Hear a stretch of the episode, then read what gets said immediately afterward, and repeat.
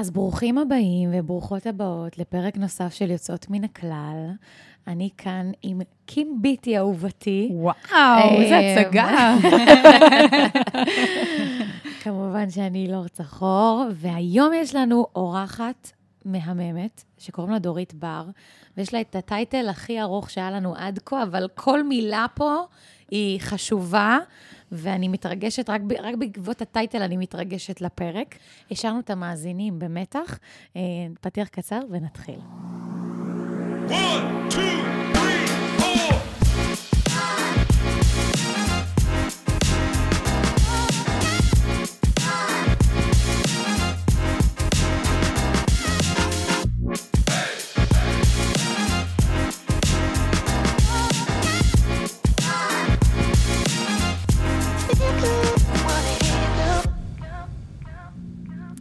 אז שוב שלום לכם, ואיזה כיף שאתם כאן איתנו. אה, אילור צחור. קים ביטי. ודורית בר, אה, והטייטל המובטח, מורה אה, לתקשורת אינטימית ומיניות מודעת, מפתחת גישת תרפיית האגן, ומתמחה בחיבור בין ריפוי טראומה ומיניות מודעת. היי דורית. כן, מדהים, בוקר טוב, שלום. יום ומהממת.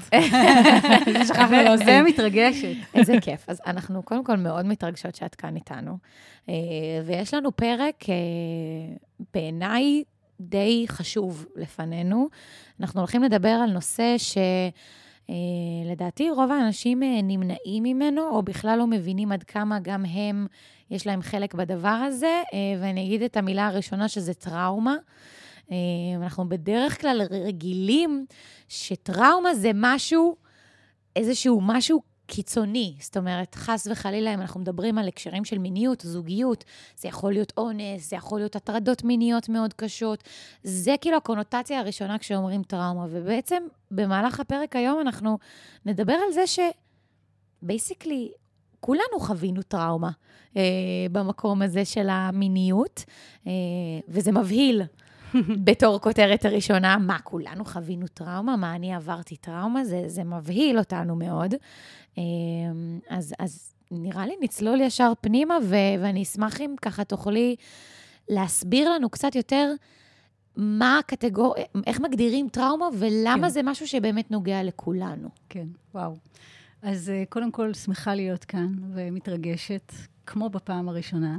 אה, בא לי לדייק רגע את הכותרת של מה שאנחנו עומדות לדבר עליו, על ריפוי טראומה אוקיי. ומיניות ויחסים, אוקיי? כאילו, בואו נדבר על הריפוי, זה מה שאנחנו רוצות. נכון. אה, אני מבינה טראומה בתור אה, אוסף הרגשות והתחושות הלא מעובדים שנותרים בי כתוצאה מאירוע מטלטל ומשמעותי. אני אוקיי. אחזור על ההגדרה וגם אסביר אותה. אוסף רגשות ותחושות לא מעובדים. מה זה אומר לא מעובדים? זה אומר שלא עשיתי להם אינטגרציה. עוד מעט גם ניתן דוגמה ואז נבין את זה. לא דיברתי על הרגשות, לא שמתי להם לב, לא נשמתי לתוכם, אולי קפאתי בתוכם, הם לא עברו עיבוד, אבל הרגשתי אותם. והתגובות הרגשיות והתחושתיות, הן היו בתגובה לאירוע משמעותי ומטלטל. אולי אפילו יותר מדויק להגיד, מטלטל ומשמעותי. אוקיי. אוקיי? זאת אומרת, קרה לי משהו אה, בתקופת החיים הזאת, נתחיל בתקופת החיים הזאת, אחר כך נדבר על פוסט-טראומה קולקטיבית, כי אי אפשר שלא לדבר על טראומה אישית וטראומה קולקטיבית. אנחנו חלק מחברה ותרבות, וכל דבר, גם אם אני לא חוויתי אותו, אימא שלי חוותה דברים, סבתא שלי חוותה דברים, והחברה כולה חווה דברים. וזה גם עובר אלינו. בטח שזה עובר אפילו אלינו. ברמה, אפילו ברמה ההתנהגותית, וגם יש שיגידו גם ברמה הפיזית, וגם הביולוגית. ברמה הפיזית, הביולוגית, האנרגטית, הרוחנית, אנחנו כבר יודעים שיש, אה, שמה שנקרא, יש השפעה סביבתית ולא רק השפעה גנטית על מי שאנחנו. וההשפעה הסביבתית, אני חושבת רגע נגיד על אימא שלי, האופן שבו היא גידלה אותי בכל המובנים האפשריים, זה כל האוסף של סבתא שלה, אה, או סליחה, של אימא שלה. וסבתא רב. אז, אז גם אם אנחנו רק נתמקד בגורם הסביבתי, הכל משפיע. נכון. אנחנו היום יודעים שיש גם אה, גורם אה, יותר, אפילו פיזיולוגי, התאים מפנימים כל חוויה טראומטית שאנחנו חווים, ואם אנחנו לא עושות ריפוי טראומה, אז זה עובר מדור לדור. לגמרי. אוקיי? אז אני חושבת שבאמת, כשאת אומרת ריפוי טראומה קולקטיבית, זה באמת, הדברים הראשונים שקופצים לי לראש זה יותר אלמנטים של תפקידי האישה אה, ברמה החברתית שלנו, יכול להיות אה, כל מה שקשור לדוגמנות ודימוי גוף חיובי, זאת אומרת, זה דברים שמאוד מובילים אותנו אה, בהקשרים החברתיים יותר. כן חשוב לי שהיום נתמקד יותר בכל מה שקשור לטראומות ה... האישיות שלנו בהקשר הזה. ו- ו- ואני חושבת שמה שתפס אותי במה שאמרת קודם, זה שזה באירוע אה, מטלטל ומשמעותי, ולאו דווקא כולנו יודעים לס- להגדיר אירוע מסוים כמטלטל ומשמעותי במקום לחלוטין, הזה. לחלוטין. אני מקבלת את הבקשה שלך להתמקד בטראומה אישית, אני לא מבטיחה שאני אהיה נאמנה לה. אוקיי.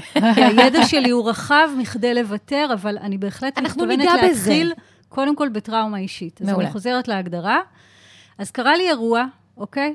אני, נגיד שאני ילדה, בסדר? אני ילדה, אני בת שמונה, הביאו לנו לכיתה איזה סטודנט שהולך לדבר על המערכת המינית הזכרית והנקבית. בסדר? יותר מפן ביולוגי, לא עכשיו יחסי מין וזה, לא יודעת, ביצית, מחזור, יכול להיות שאני אפילו בת 10 או 12, בסדר?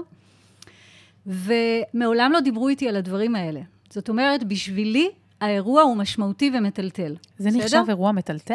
שימי לב, כן, לגמרי. אוקיי. בשבילה, אגב, זה בשבילי, לא חייב לא, להיות לכולם. בשבילי, למה? כי אוקיי. איתי מעולם לא דיברו על זה, אוקיי? בואי נקצין את זה נגיד, ואולי אני חברה, ב... אני אולי דתייה, אוקיי? אוקיי. או אולי פשוט בבית שלי לא דיברו על מיניות ומעולם לא אמרו לי, נגיד, שלפות שלי קוראים פות ולפין שלי קוראים פין, ושזה בסדר לגעת בעצמי ושזה נעים. כלומר, לא קיבלתי אפילו את ה basic של חינוך ל... לזיהוי של אה, איברים בגוף, מתן שמות. שלא לדבר על המערכת המינית. כלומר, מבחינתי אני... נחשפת לזה לראשונה, בדיוק, בשיעור חשיפה הזה. עם עוד קבוצת ילדים, יש בנים, בנות, יש את המורה, המחנכת איתנו. סטודנט חמוד לאללה, אין, אין שום בעיה, לא קורית שם שום פגיעה מינית בהגדרה, אוקיי? אבל אני חווה הצפה רגשית ותחושתית של מבוכה, בושה, בלבול, מחנק בגרון. עכשיו, כשהסטודנט עומד שם ונותן את המידע, הוא נותן אותו בצורה די קרה. הוא לא מדבר על הרגשות שעכשיו עולים בזמן שאנחנו אה, וואו. צופים בדבר הזה, אוקיי? השיעור נמשך שעה, נותן את האינפורמציה, נגמר, יוצאים להפסקה, עוד שיעורים, הולכת הביתה. אם אני גרה בבית שבו אני רגילה לספר לאימא שלי או לאבא שלי או לשניהם הכל, אז אני ישר באה ואני אומרת, אימא, את לא יודעת מה היה היום, ראיתי את הפושפוש שלי. ואם אימא החכמה, אז היא גם תגיד לי שלא קוראים לזה פושפוש, שקוראים לזה פוט, ואז היא תשאל אותי מה קרה, והיא תשאל אותי מה הרגשתי. והיא תמשיך את השיח ולא... היא ו- תאפשר תפרק מקום. את ה- תפרק את הבושה וה... תפרק את האירוע כן. המטלטל יפה. והמשמעותי, ותהפוך אותו רק לאירוע חשוב. ולהפך, היא אפילו ת- תרים, כן. ותיקח את זה לשיחה. איך היה לך? את מסתכלת לפעמים על הפוט שלך, אני לא בדיוק יודעת מה היא תשאל, אבל היא בכל מקרה, אמא, אל תגידי לי כאלה דברים. איכשהו, אבל היא תפתח איתי שיחה שתיתן לגיטימציה לכל הרגשות שלי. אמא, אבל זה היה לי ממש מביך. כן, מתוקה, לפעמים זה מביך לדבר על דברים שאנחנו לא רגילים לדבר עליהם. אין טראומה, אוקיי? ילדה בגלל אחרת... שעברנו... בגלל- עיבוד. בדיוק, בגלל שנתנו עיבוד לרגשות שחווינו באותו סיטואציה לא נעימה. בסביבה אמפתית, שימי לב. נכון. ילדה אחרת גם באה הביתה וגם מספרת הכל לאימא. אבל אימא אומרת לה, ישר היא נבהלת, אימא נבהלת, כי היא אומרת, מי מביא חינוך מיני לילדים בני שמונה? איזה בית ספר דפוק? וככה היא מגיבה. היא אוי. מגיבה בתוקפנות, לא כלפי הילדה. כלפי איזה מורה הסיטואציה. טיפשה, איזה בית ספר מפגר, למה הם מתנהגים בצורה כזאת? הילדה, מה קולטת? קיבוץ שמתחבר יחד עם חשיפה של איברים אינטימיים. הילדה מבולבלת, הילדה מושתקת, הילדה אילמת, הילדה קפואה, הילדה חווה פוסט-טראומה, קטן, קטן, קטן, קטן. בסדר? אבל או, עכשיו... זה כן, זה כזה. טייני אוקיי? טייני. טייני, ועכשיו בואו נוסיף ילדה שלישית, וזה רק שלוש דוגמאות מתוך אין סוף, שבכלל לא חווה ביטחון בבית. אני הייתי הילדה הזאת לצורך העניין. היה לנו כזה שיעור, לא היה לי בבית עם מי לדבר, ראיתי את השיעור, חוויתי אותו, למדתי מה שלמדתי, הרגשתי מה שהרגשתי, זהו, לא היה עם מי לדבר.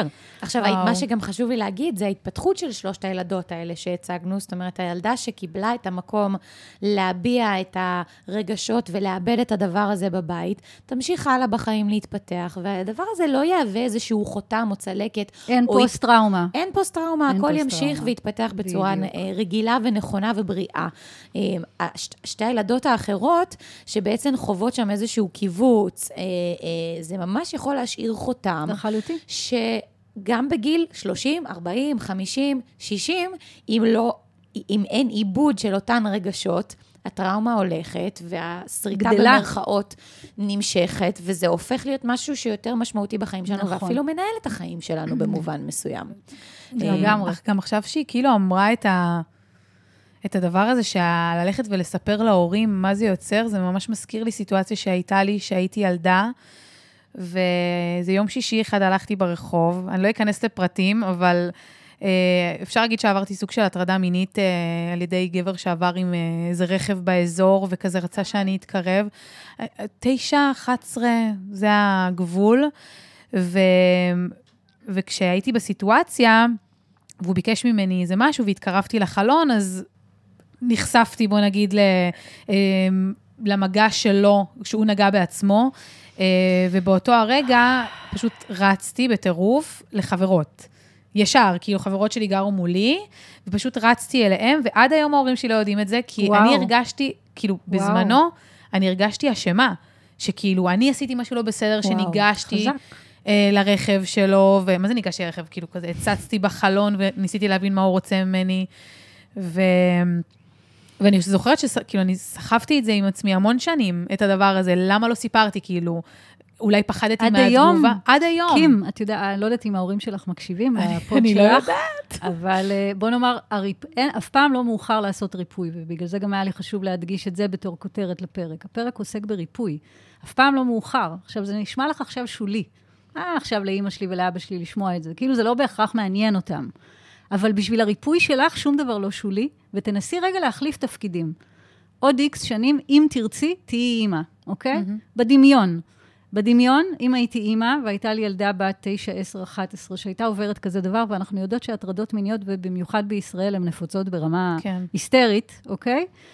אה, הייתי, היית רוצה שהילדה שלך תבוא ותגיד לך, חד משמעית. אמא, היום בזה, נכון היית רוצה? ולו כן. כדי לחבק אותה, ולו כדי אולי להודיע למשטרה, אולי לשאול עוד חברות בשכונה אם קרה להם גם. נכון. כלומר, משהו לעשות למען הילדה, ובמיוחד לתת לה את התחושת תודה שסיפרת לי.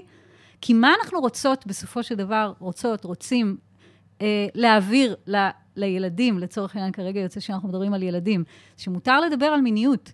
שמיני, mm-hmm. לא רק שמותר לדבר, זה נושא נהדר, זה נושא חשוב, זה נושא שאנחנו לומדים בו מה נכון ומה לא נכון, מה נעים ומה לא נעים. ואז זה נושא שלוקח אותנו לחיים בוגרים, מה זה כיפים? אבל משום מה, לרוב האנשים אין חיים בוגרים מיניים כיפים. מעניין למה. אני תוהה למה מלכתחילה לא הלכתי לספר להורים שלי, כי אולי היה לי איזושהי חוויה לפני כן, שגרמה לי להתכווץ במקום הזה ו- ולהרגיש בושה מללכת ולספר. כן, זה לא קשה לגלות למה לא סיפרת. כאילו, לא בהכרח אנחנו נעשה כרגע את כן, החקר, לא, לא, ברור אבל שלא. פשוט תקשיבי לשאלה, קחי אותה ככה להקשבה פנימית, איזה סוג של מסרים, לאיזה סוג של מסרים נחשפתי בבית, כן. כולל אף פעם, נגיד, דוגמה לא שלך, דוגמה קלאסית שאני פוגשת אצל אנשים בקליניקה, אה, לא ראינו חיבה. בכלל, בין ההורים. לא ראינו חיבה בין ההורים, בטח שלא דיברו איתנו על מיניות. אם היה איזה משהו בטלוויזיה, התגובה הייתה... לא, לא, לא, לא, לא, לא, משהו כזה שגובל בין פחד למבוכה, לקיבוץ, ל- אפילו לתוקפנות. ואז למה שהילדה תדבר על זה? היא חובה בושה, וגם בבית ספר לא מדברים איתה.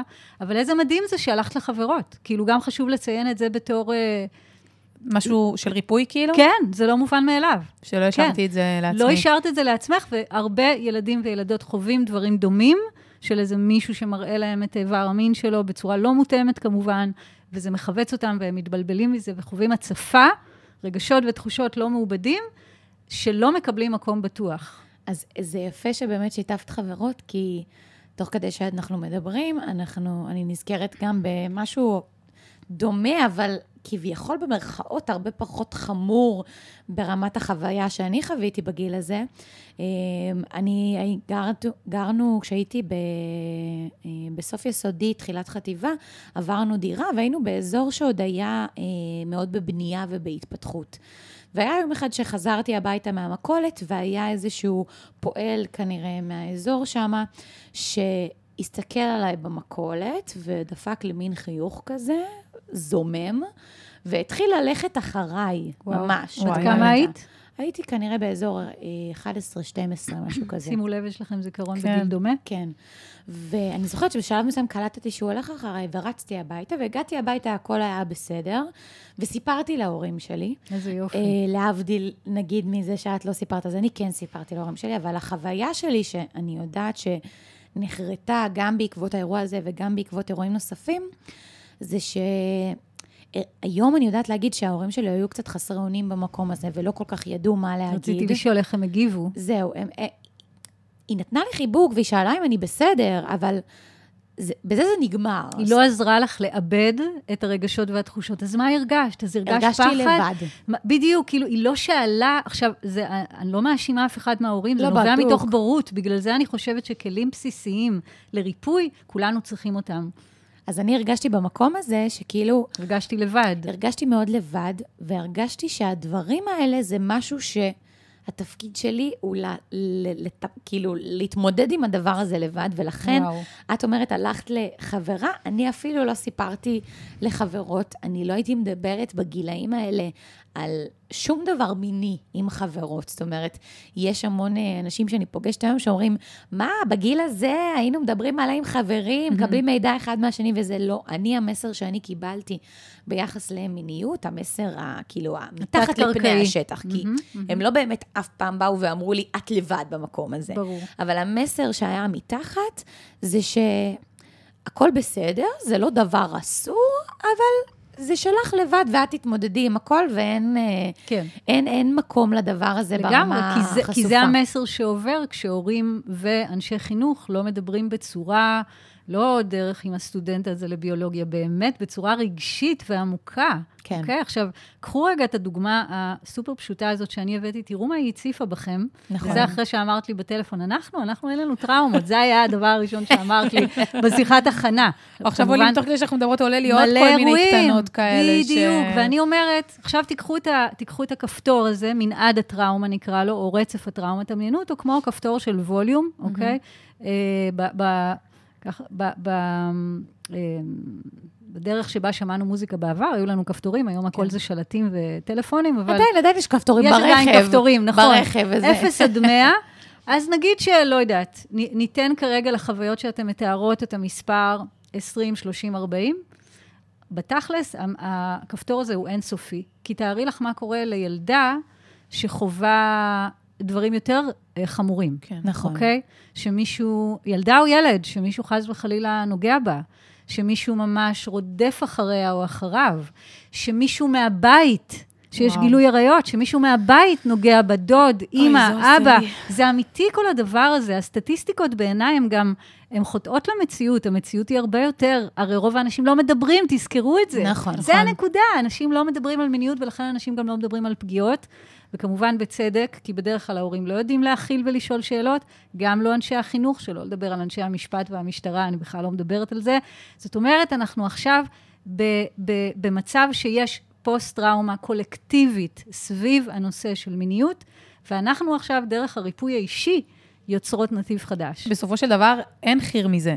כלומר, הטראומות ילכו ויגדלו ויעברו נכון. מדור לדור, ולצערי הרב, יהיה עוד ועוד אה, נכון, אלמנטים נכון. שיותר מכניסים אותנו לתוך טראומות, אם זה רשתות חברתיות והלאה והלאה. אלא אם כן ניקח אחריות זהו, אישית, זה, אישית זה- במקום זה הזה. בדיוק וזה השאלה. שרציתי לשאול, כאילו, אין לנו איך להימנע מזה. נכון. אז מה, קודם כל, איך מזהים שחווינו טראומה? כן. איך אני יודעת להגיד, אוקיי, זה טראומה, גם אם זה... אני, אני כאילו, הנטייה הטבעית שלנו זה להקטין, הרי מדברים ומסיטואציות.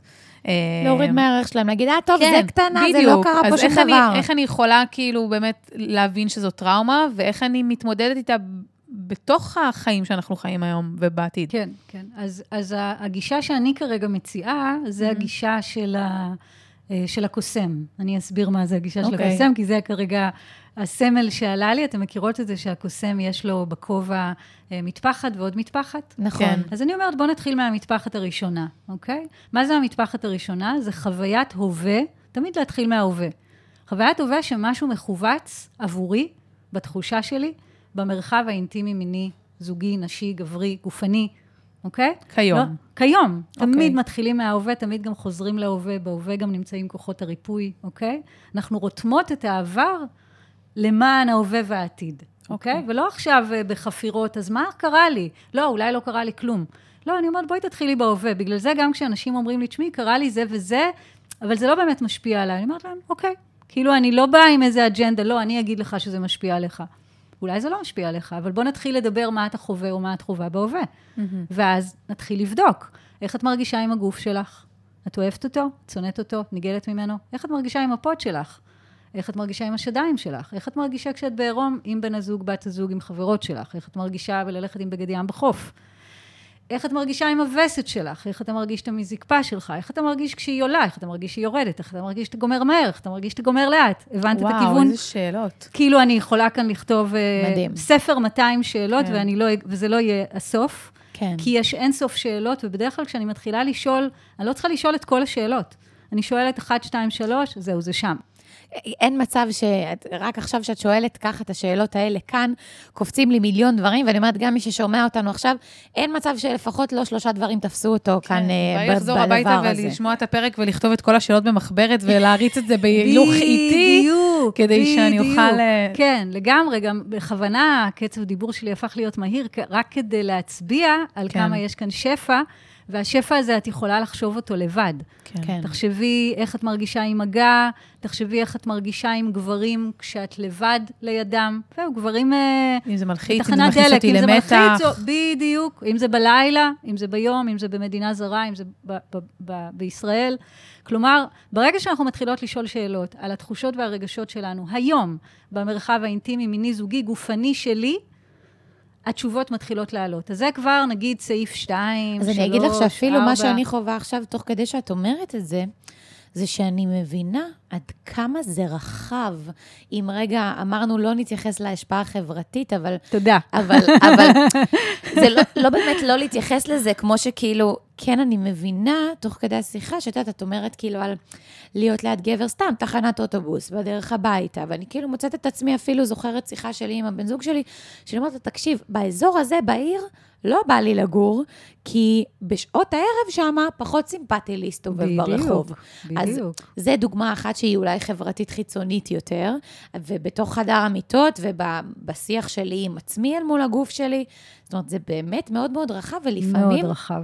ה... לפעמים אני כאילו אומרת, אם אני שומעת את זה, יכול להיות שמישהו גם בבית חווה את זה, איזושהי הצפה כזאת של, וואו, יש המון, כאילו overwhelming כזה, של נקודות שצריך נכון.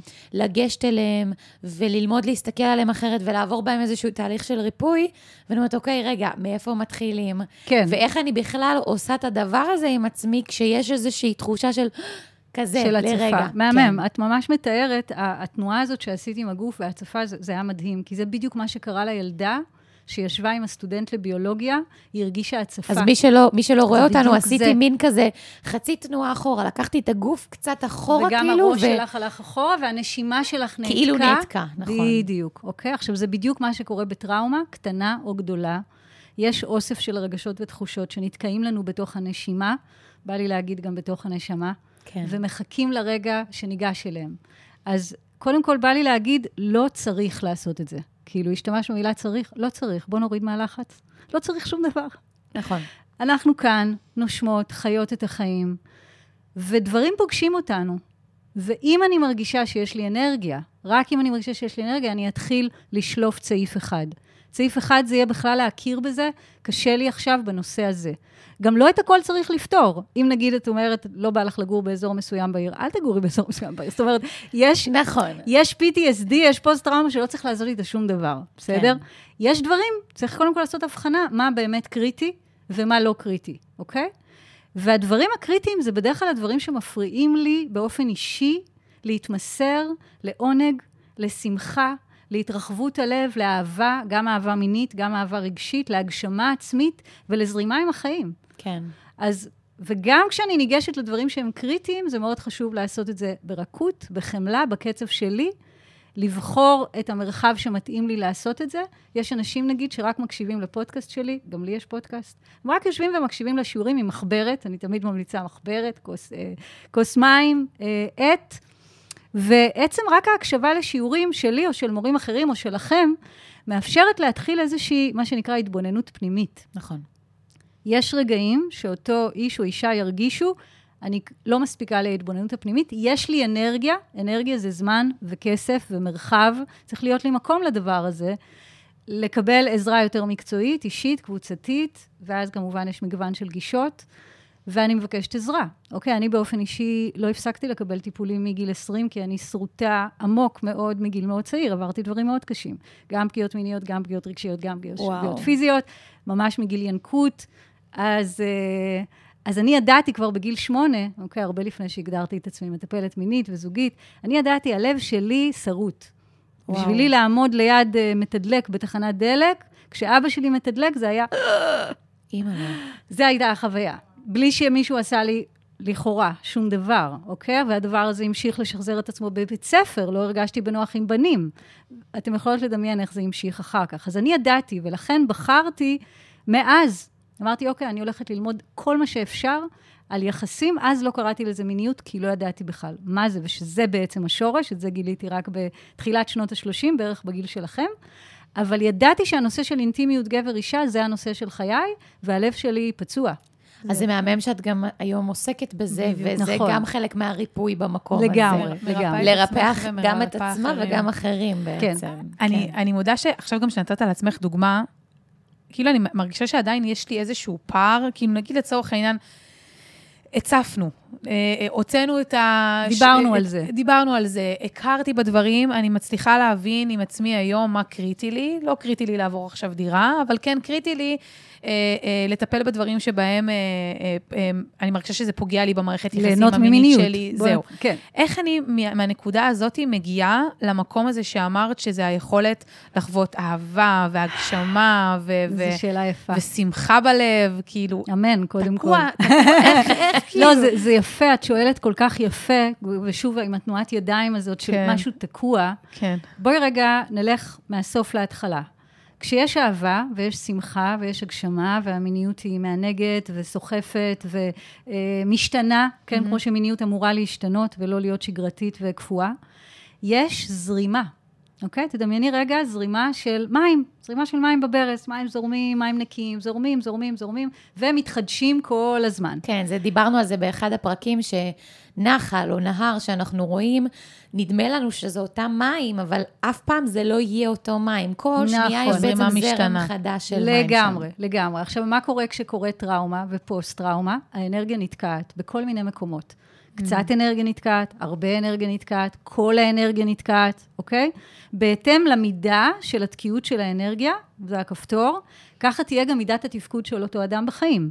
אוקיי? נגיד דוגמאות קיצוניות, בתוליות מאוחרת, אנשים בני 30-40 שמעולם לא קיימו יחסים מיניים, ומעולם לא היו במערכת יחסים, אה, אנשים בדיכאון, ממש דיכאון קליני אני מדברת, כן? לא... אנשים ש... 20 שנה על כדורים, אוקיי? על כדורים פסיכיאטריים, ואין זרימה בחיים שלהם. אני אוקיי? אתן אין... דוגמה אישית, כי פשוט זה משהו שבדיוק בבקשה. זה, ואני חווה את זה עכשיו.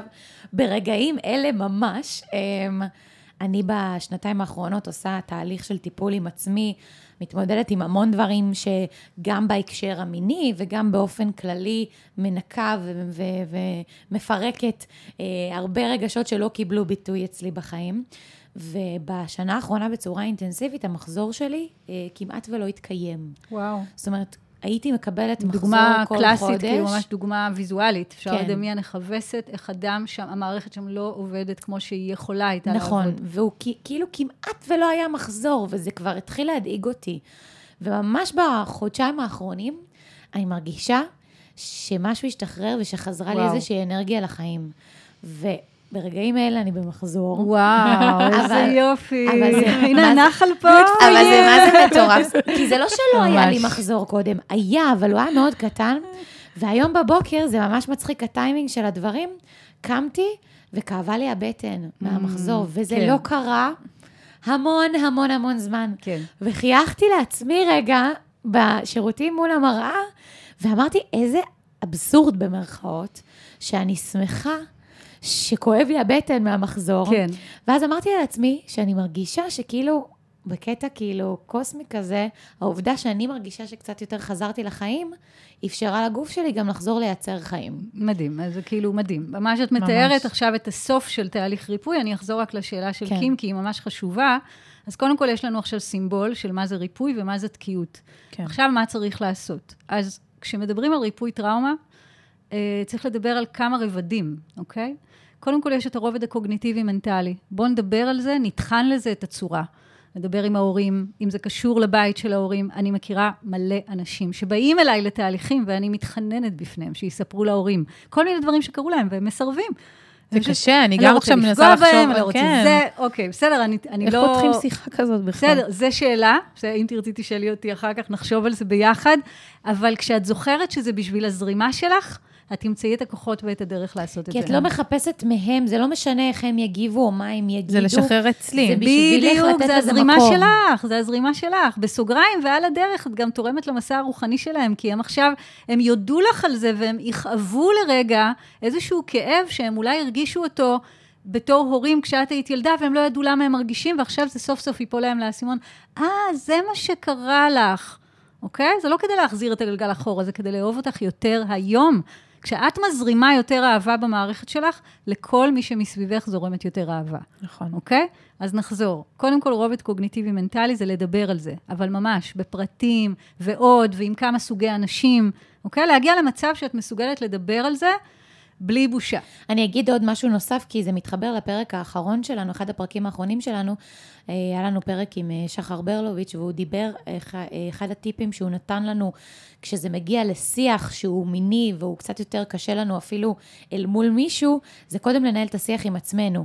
כמו שאמרת קודם, עם מחברת, אולי אפילו לכתוב לעצמנו קודם, רגע להביא את הדברים לידי ביטוי כן. אצלנו, ואז, כמו שאת אומרת, ללכת להורים וגם להביא את זה לידי ביטוי כן, אצלם. כן. לא, לא הייתי מתחילה... כן, כל מה שאמרת אני מסכימה, וכל מה ששחר אמר אני מסכימה, רק לא הייתי מתחילה בריפוי טראומה בשיחה בתוך חדר המיטות, נגיד, אם אני יודעת שיש אה, לי לא, לא, דברים... יותר עם עצמי, הכוונה כאילו... כן. להעז להודות בפני עצמי שכואב ש- לי במקום הזה. בהחלט, וגם לדבר על זה עם עצמי, עם המחברת, עם מטפל מטפלת, עם חבר חברה, ויותר בא לי להגיד, קודם כל בוא נדבר על הטראומות שלנו בסלון, בסדר? Mm-hmm. כי בחדר המיטות, ברור שיכולה לעלות טראומה ואפשר לדבר עליה, אין, אין גבול בהקשר הזה, אבל אה, זה גם ככה מספיק חשוף. נכון. אז בואו נתחיל קודם כל מכוס תה בסלון, ואז גם מזה שאני ארגע, בקלילות אני מורידה בגדים ובא לי אינטימיות, כן. אוקיי? אז קוגניטיבי אמרנו קוגניטיבי. מנטלי, זה ברור, בעיקר טיפולים פסיכולוגיים עוזרים לעשות את זה, פסיכותרפיה למיניה, מעולה. אבל זה רק, של, רק רובד אחד. אוקיי. יש את הרובד הרגשי ויש את הרובד הגופני. מה זה אומר הרגשי? שממש לתת לזה, כאילו, לכאוב את זה? כן, ל- ל- בדיוק. להציף את התחושות? כן, לא לדבר על העצב, להיות עצובה. להיות עצובה, להרגיש אותו. וזה בדרך, רגש וגוף בדרך כלל מתחברים ביחד. זה, זה כבר אבל- מקום של באמת, לה, כאילו, להצליח להתעמק בתוך הסיטואציה ובתוך הכאב, ולתת לרצות לו... להתעמק, לא נכון. להצליח, לרצות. אני לרצות. חושבת ש... רק אם יש כן. רצון, רק אם יש בשלות, רק אם יש אנרגיה, ואם אני לא יודעת לעשות את זה לבד וזה קריטי לי, אז לעשות את זה במרחב מקצועי. כי זה מה- אז מומחיות של חלק מאנשי המקצוע, יודעים לעזור לאנשים. להגיע לזהות טראומה. ולפגוש את הצעיפים העמוקים, הלא מודעים, כי את יודעת, את כרגע סיפרת סיפור, נגיד, על הילדה הזאת שהלכה ברחוב, והאיש הזה שהראה את איבר המין שלו, בן זונה מניאק, אבל... אמא שלו. ממש. כן. אבל לא סיפרת, לא אמרת מילה, אוקיי? וזה בסדר, כי זה כן. הסעיף. זה היה קוגניטיבי-מנטלי, לא אמרת כלום על הרגש שלך. אמרת, כן, אה, נדמה לי שאת, לא את אמרת, אשמה, אבל לא אמרת, התכווצתי. לא, לא, היא אמרה אשמה, היא אמרה אשמה. אוקיי. שלא אה, סיפרתי נכון, להורים נכון, שלי זה כי. הרגשתי אשמה. נכון, נכון. אה, יפה, אז זו הייתה דוגמה, כן. טובה. מה לא אמרת? לא שיתפת, כי את לא יודעת אולי איך זה הרגיש לך בגוף. עכשיו, שימו לב, מגע מיני, מה זה מגע מיני? זה מגע של הגוף. קודם כל, של הגוף הפיזי, שכמובן מחובר לגוף הרגשי, לגוף האנרגטי, לגוף הרוחני. אני רוצה שהאנרגיה הזאת שתזרום, זאת שדיברת על הווסת, אני רוצה שהיא תזרום בגוף שלי. שהגוף שלי יתחמם, שהגוף שלי יתרגש, שהגוף שלי יאהב, שהגוף שלי יגיד מילים. ואז הריפוי, נגיד של זיכרון כזה, מבקש במרחב בטוח ממש לצלול, לעצום עיניים, להיכנס לתוך הזיכרון, להרגיש אותו כאילו הוא קורה עכשיו בזמן הווה, לנשום, להרגיש את האשמה איפה זה בגוף, להרגיש את זה. הרבה פעמים נוצר קתרזיס במקום הזה, איזשהו בכי או צחוק או איזושהי תנועה גופנית. הכל תלוי כמובן בעומק הטראומה. כן. ואז אבל- דברים משתחררים, הזרימה חוזרת. זה באמת, אני זוכרת כשהתחלתי, אני מטופלת אה, אה, בעצמי גם כן בפסיכותרפיה, שזה עשה לי באמת מדהים, ואחד הדברים שהיום אני יודעת לעשות, אבל היו לי מאוד קשים בהתחלה, זה שאם עכשיו יש בכי שעולה בגלל משהו שקרה, ולא איבדתי אותו, זה ממש ממש ממש בסדר לתת לזה מקום ולבכות את זה, ולא לשפוט את עצמי על זה שאני בוכה על זה, ולא להיות קשה על עצמי, ופשוט לתת לזה להיות ולייבב אם צריך. כשנתתי לעצמי את האישור לעשות את זה ולתת לרגשות האלה נרגעת לצאת יותר מהר. קודם כל זה היה הדבר הכי משחרר בעולם, כי היה בכי, היה בכי, לפעמים גם, זה לקח תקופה עד שהכמויות של הבכי השתחררו שם במקום הזה. ועדיין אחרי כל פעם שבכיתי, הרגשתי טוב. טון של משקל שיורד ממני, והבנתי שאני באיזשהו תהליך התקדמות במקום הזה. ועד שלא אישרתי לעצמי שזה בסדר, זה היה לי מאוד קשה. אז כאילו, אם מישהו שומע אותנו עכשיו ו- ו- ומתקשה עם המקום הזה, אני מאוד מתחברת למה שאת אומרת, ואני אומרת כמה זה חשוב לתת לעצמנו את העיבוד הרגשי הזה, ולא להמעיט בערכו, כמו שאמרנו, שאנחנו עושים קודם קצת את הקטנה, הדברים כן. האלה, לא להמעיט בערך של העיבוד הרגשי עכשיו, בהווה, גם אם זה נכון. אירוע שקרה לפני 20 שנה. לגמרי, וגם לא להפחית, אם כבר אני עולה על הגל של העיבוד הרגשי, וגם לא להפחית ב, ב, בעוצמה של החוויה שלי היום, גם במשהו קטן שקרה לי, אוקיי? גם אם עכשיו רק אה, מעדתי במדרגה בדרך אה, שעליתי במעלית. וזה כואב לי, כן. אוקיי? עכשיו, לא קרתה לי שום טראומה. נתקעתי, אה, מכה קטנה, לא נקע, לא שום דבר, אבל אם אני עכשיו צריכה להיכנס לפגישה, נגיד, ואני לא שם, אני עכשיו אה, אדומה, אני בכאב, כואבת לי הרגל, אני מרגישה קצת השפלה, כי היו שם אנשים והסתכלו עליי. אז אם אני אתן לעצמי, אם נלמד לעצור בתוך החיים, בגלל זה אני אומרת, ריפוי טראומה הוא לא חייב להיות צלילה לתוך העבר, הכל תלוי בהתאם כן. למידת האנרגיה, תשוקה וכלים שיש למי שרוצה בזה, רוצה בזה. קודם כל, בוא נחיה מתוך ריפוי, שזה אומר, היום, אני נותנת לעצמי להרגיש את מה שאני מרגישה בטוטליות. כן. אם זה משהו בזוגיות, אם זה משהו בעבודה, אם זה משהו במיניות. לתת מקום לרגשות ולתחושות. פסיכותרפיה אה, קלאסית לא יודעת לעבוד עם הגוף. פסיכותרפיה גופנית, כן. עובדת עם הגוף, rebirthing עובד עם הגוף, הומאופתיה עובדת עם הגוף, תרפיית האגן, שזו הגישה שאני עובדת, משלבת גוף, נפש ורוח. אה, לא הרבה גישות, זאת אומרת, בוא נאמר, המיינסטרים משתמש בעיקר בגישה פסיכולוגית. גישה פסיכולוגית, לפי מיטב ידיעתי והבנתי, לא תוכל לפתוח את כל הזרימה של הריפוי טראומה. לא בגלל שהם לא רוצים, אלא בגלל שאין להם את זה פשוט, זה לא חלק מהשיטה. השיטה מתמקדת בעיקר בנפש. אז, אז בעצם העיבוד הרגשי שאנחנו ציינו עיבוד עכשיו... רגשי גופני. זהו, אז זה, זה מה שרציתי לשאול, זה ישר מוביל אותי לגופני, זה משהו שבא ביחד. אם תרצי, שוב, זה הכל אם תרצי ולאיזה מרחב תלכי. והגופני זה כאילו, מה זה אומר הגופני? זה אומר לחוש את התחושות. לחוש את זה? לחוש אוקיי. את זה בגוף. ממש לחזור, שוב, במקרה הזה, אני נתקעת על הסיפור שלך, כי הוא פשוט קלאסי.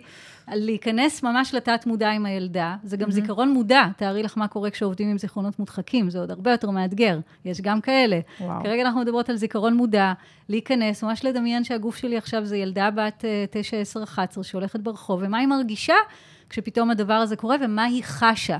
עכשיו, השפה התחושתית היא שפה יחסית חדשה, שמתחילה להתפתח בשנים האחרונות, בזכות גישות כמו Somatic Experiencing של פיטר לוין, מאוד ממליצה להכיר אותה, בזכות מטפלים גו- כמו גבור מטה, שאני גם מאוד ממליצה לה- להכיר, אה, התמקדות, גם עושה עבודה עם הגוף, אוקיי?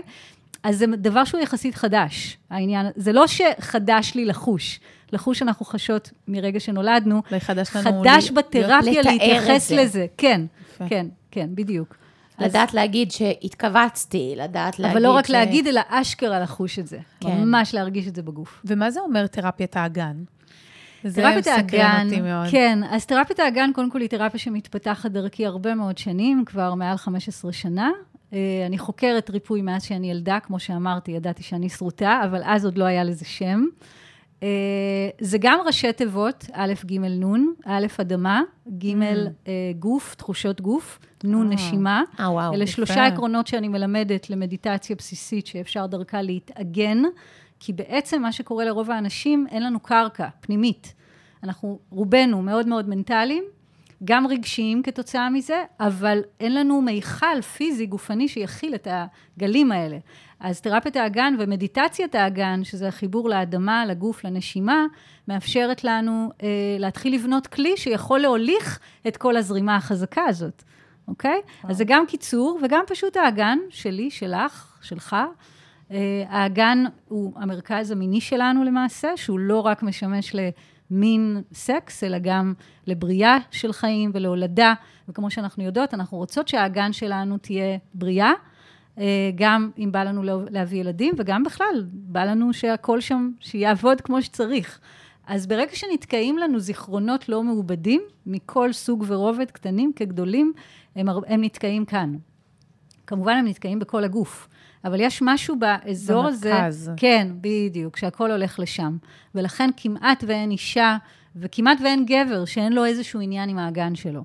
כן. משהו, Mm, אוקיי? משהו מעניין. שקשור לרחם, משהו שקשור לווסת, משהו שקשור לפין, משהו שקשור לפי הטבעת, דחורים, ארמונית, לה לה לה, כל מיני דברים, אוקיי? שפיכה מהירה, שזה סופר קלאסי לגברים. וזה קשור לזה שאין עדיין מספיק נוכחות בתוך האגן, אני לא יודע להכיל שם את האנרגיה המינית. אה, משום מה אנחנו מדברות בעיקר על טראומות של נשים, אבל לגברים יש לא פחות, גם גברים וגם בנים חווים את, את הטראומות מכל המנעד הקטנות האלה, של איזה בן שהראה להם את הבולבול באיזה מסיבת כיתה והם לא היו בשלים, מישהו שנגע בהם, לא דיברו איתם בבית. אמרו להם שאיבר המין שלהם אה, קטן אה, ולא מספיק, או לגמרי. כל מיני דברים כן. כאלה. וגם בואו נזכור שהמיניות שלנו מושפעת גם מהעולם הרגשי שלנו, שזה אומר, גם אם לא אמרו לי שום דבר ספציפי על המיניות, אבל רק צחקו עליי שאני נמוך, נגיד, Mm. ושאני לא מפותח, ושאני רזה. אז אחר כך אני גדל להיות גבר, 20, 21, עדנה, מתחיל, אה, נגיד, אה, לחפש אינטימיות עם נשים או עם גברים, אבל אני מרגיש קטן. כן. אז איך זה ישפיע על המיניות שלי? אני- ארגיש שאני... היא גם תהיה בתפיסה של אותו בן אדם קטנה. בדיוק, כן. בדיוק. זאת אומרת, הוא ירגיש שזה צמצום, ורק אם הוא יבחר, אם הוא החליט שזה מספיק קריטי לו לעשות שם עבודה רגשית, תחושתית, ולהעמיק לתוך התחושות ולרפא אותם, אז הוא יוכל להשתחרר ולהיות הגבר השלם שהוא, שזה אומר שהטראומות שלנו הן לא רק, הטראומות במ- שמשפיעות על המיניות הן לא רק טראומות מיניות, אלא כל טראומה שהיא. כן. וואו. טוב, אנחנו, אה, לצערי, אה, ככה נגמר לנו הזמן. אני אסכם בכמה מילים את מה שאמרנו, ואם יש לך עוד משהו להוסיף, אז, אה, אז בשמחה רבה. אני חושבת שמה שעשינו בפרק הזה, שהוא קריטי ברמות, זה לנרמל בכלל את המונח טראומה, ולהבין ש...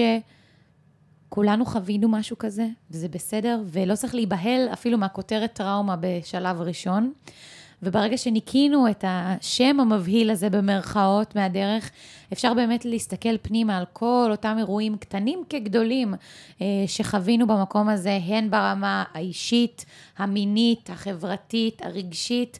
אה, והדבר שהכי אהבתי מכל מה שאמרת, זה המקום הזה של להסתכל עכשיו והריפוי, זאת אומרת, לא להיבהל על זה שאנחנו מזהים איזושהי טראומה ולהגיד, טוב, fuck, כאילו זהו, נתקעתי עם זה, אין מה לעשות עם זה. לא, להפך, יש המון מה לעשות עם זה, ואפשר לעבור את הריפוי במקום הזה. ויש לך אנרגיה שמזמינה לעשות ריפוי. זאת אומרת, אחרי השיחה הזאת, אני מרגישה בגוף שיש בי יותר כוח, ממש כאילו, בא לי לגעת בנקודות עם עצמי ולרפא אותם. זאת אומרת. זה נתן לי מין כאילו איזה כיף. בוסט כזה, כאילו אני מרגישה שחיברו אותי לחשמל שם כזה, והיה, ובא לי עכשיו לעסוק בזה. כן. אז אני, אני מקווה שהאנרגיה הזאת גם תעבור למי שמקשיב לנו, ושזה באמת יהיה איזשהו מין ספתח, כמו שאת אומרת, נקודה ב- בתהליך הזה של כל אחד ואיפה שזה פוגש אותו, אה, אה, לעשות את הריפוי הזה כאן ועכשיו. אני יכולה להגיד משהו לסיכום? ברור, ברור. אז קודם כל אני רוצה להגיד לכם תודה. אתם אה, מקסימות ונעים, נעים, נעים לשבת איתכם. תודה רבה. תודה. ואיזה כיף לדעת שזה, שאת מרגישה את האנרגיה. ובאמת האנרגיה הזאת נוצרה, בא לי להגיד, מהרבה כאב. המאסטר שלי הוא כאב. והקטע הזה של כאב ועונג, שהם בעצם קשורים אחד לשני, הם, אני קוראת להם תאומים סיאמיים. כלומר, לא במקרה יש לנו כל כך הרבה אתגרים בסביבה המינית, לא בשדה המיניות, לא במקרה אנחנו כל כך נמשכות למיניות או למגע או לאינטימיות, כי זה כיף, כי זה נעים, אבל איזה באסה זה כשזה לא, כן, אוקיי? כן. ואז אז התשוקה הזאת לריפוי היא החיים שלי. בא לי להגיד כמילת סיכום, שטראומה, מה אפשר ללמוד מזה שכולנו עברנו טראומות? גם לנרמל, אבל גם רגע לחשוב על זה ולהגיד, רגע, רגע, למה התכוון המשורר? כלומר, מה הקטע? למה, למה לכולם בעצם? יש טראומה? למה? כן. למה? כי העולם דפוק? לא, אני לא חושבת שהעולם דפוק. אני חושבת, העולם יש לו את ה... אנחנו בהתפתחות כל הזמן. כמנהגו נוהג. כן, כאילו, כמנהגו נוהג, בסדר? אבל טראומה היא מורה לחיבור לגוף, טראומה היא מורה לאהבה עצמית, וברמה הרוחנית העמוקה ביותר של הטראומה היא מורה לאחדות עם הכל, וואו. אוקיי? כן. זהו, זה- זה זה המילות סיכום כאילו- שלי. אז אה, בואו נצלול, ו... כן. לא, זה, אני נורא מסכימה איתך שהרבה פעמים שאנשים עוברים משברים, לא משנה אם זה במובן המיני, אה, או, או זוגי, או קרייריסטי, אז באותו רגע שקורה לך המשבר, אתה כאילו, איך אני יוצא מזה, אבל בסוף זה מצמיח אותך. נכון. אז אני כאילו לוקחת בדיוק. את מה שאמרת עכשיו על הטראומה, שזה גם אותו דבר, כאילו, אני מקשרת את זה לכאב, כי זה כאב לכל דבר, שזה משהו שבסופו של דבר אני מתעלה באמצעותו ודרכו. דרכו ובאמצעותו. כן. זאת אומרת, אף פעם לא מעליו, אלא דרכו. כן. כן. ואז אני הופכת להיות גדולה יותר. מהמם. בדיוק. אז אז תודה. מדהימה, דורית, דורית. תודה רבה רבה, ולכם מאזינים שלנו, אם אה, נהניתם מהפרק הזה כמו שאנחנו נהנינו ממנו, אז אנחנו נשמח שתעבירו אותו הלאה. גם אם זה רק בן אדם אחד שאתם חושבים שזה יכול לגעת בו, אנחנו ממש ממש ממש נשמח להפיץ את אנרגיית הריפוי הזאת הלאה. ולפני שאנחנו נפרדות, רק דורית, איפה אפשר למצוא אותך? הפודקאסט שלך, אה, תגידי לנו את השם, ו- וכל אם דבר מישהו שככה... רוצה ליצור איתך קשר בעקבות בול. הפרק הזה. האמת שממש קל ליצור איתי קשר, פשוט אה, דורית בר בגוגל, יש אתר, דוריתבר.קום, ובספוטיפיי, דורית בר. מהמם. עכשיו, גם אני עוקבת אחרי דורית באינסטגרם, והיא מעלה גם המון תכנים באינסטגרם, נכון. וגם כל מיני הרצאות. כאלה. זאת אומרת, לא חייב ישר להגיע בהכרח אפילו לפגישה אישית עם מישהו. בהחלט. אם זה מלחיץ מישהו, יש המון תכנים אצלך. ממש. אז, אה, אז אה, זה ממש מדהים, ושוב תודה רבה. מתוקות. ושיהיה לכם המשך יום טוב, גדולה. לא משנה איפה אתם. תודה רבה. ביי ביי.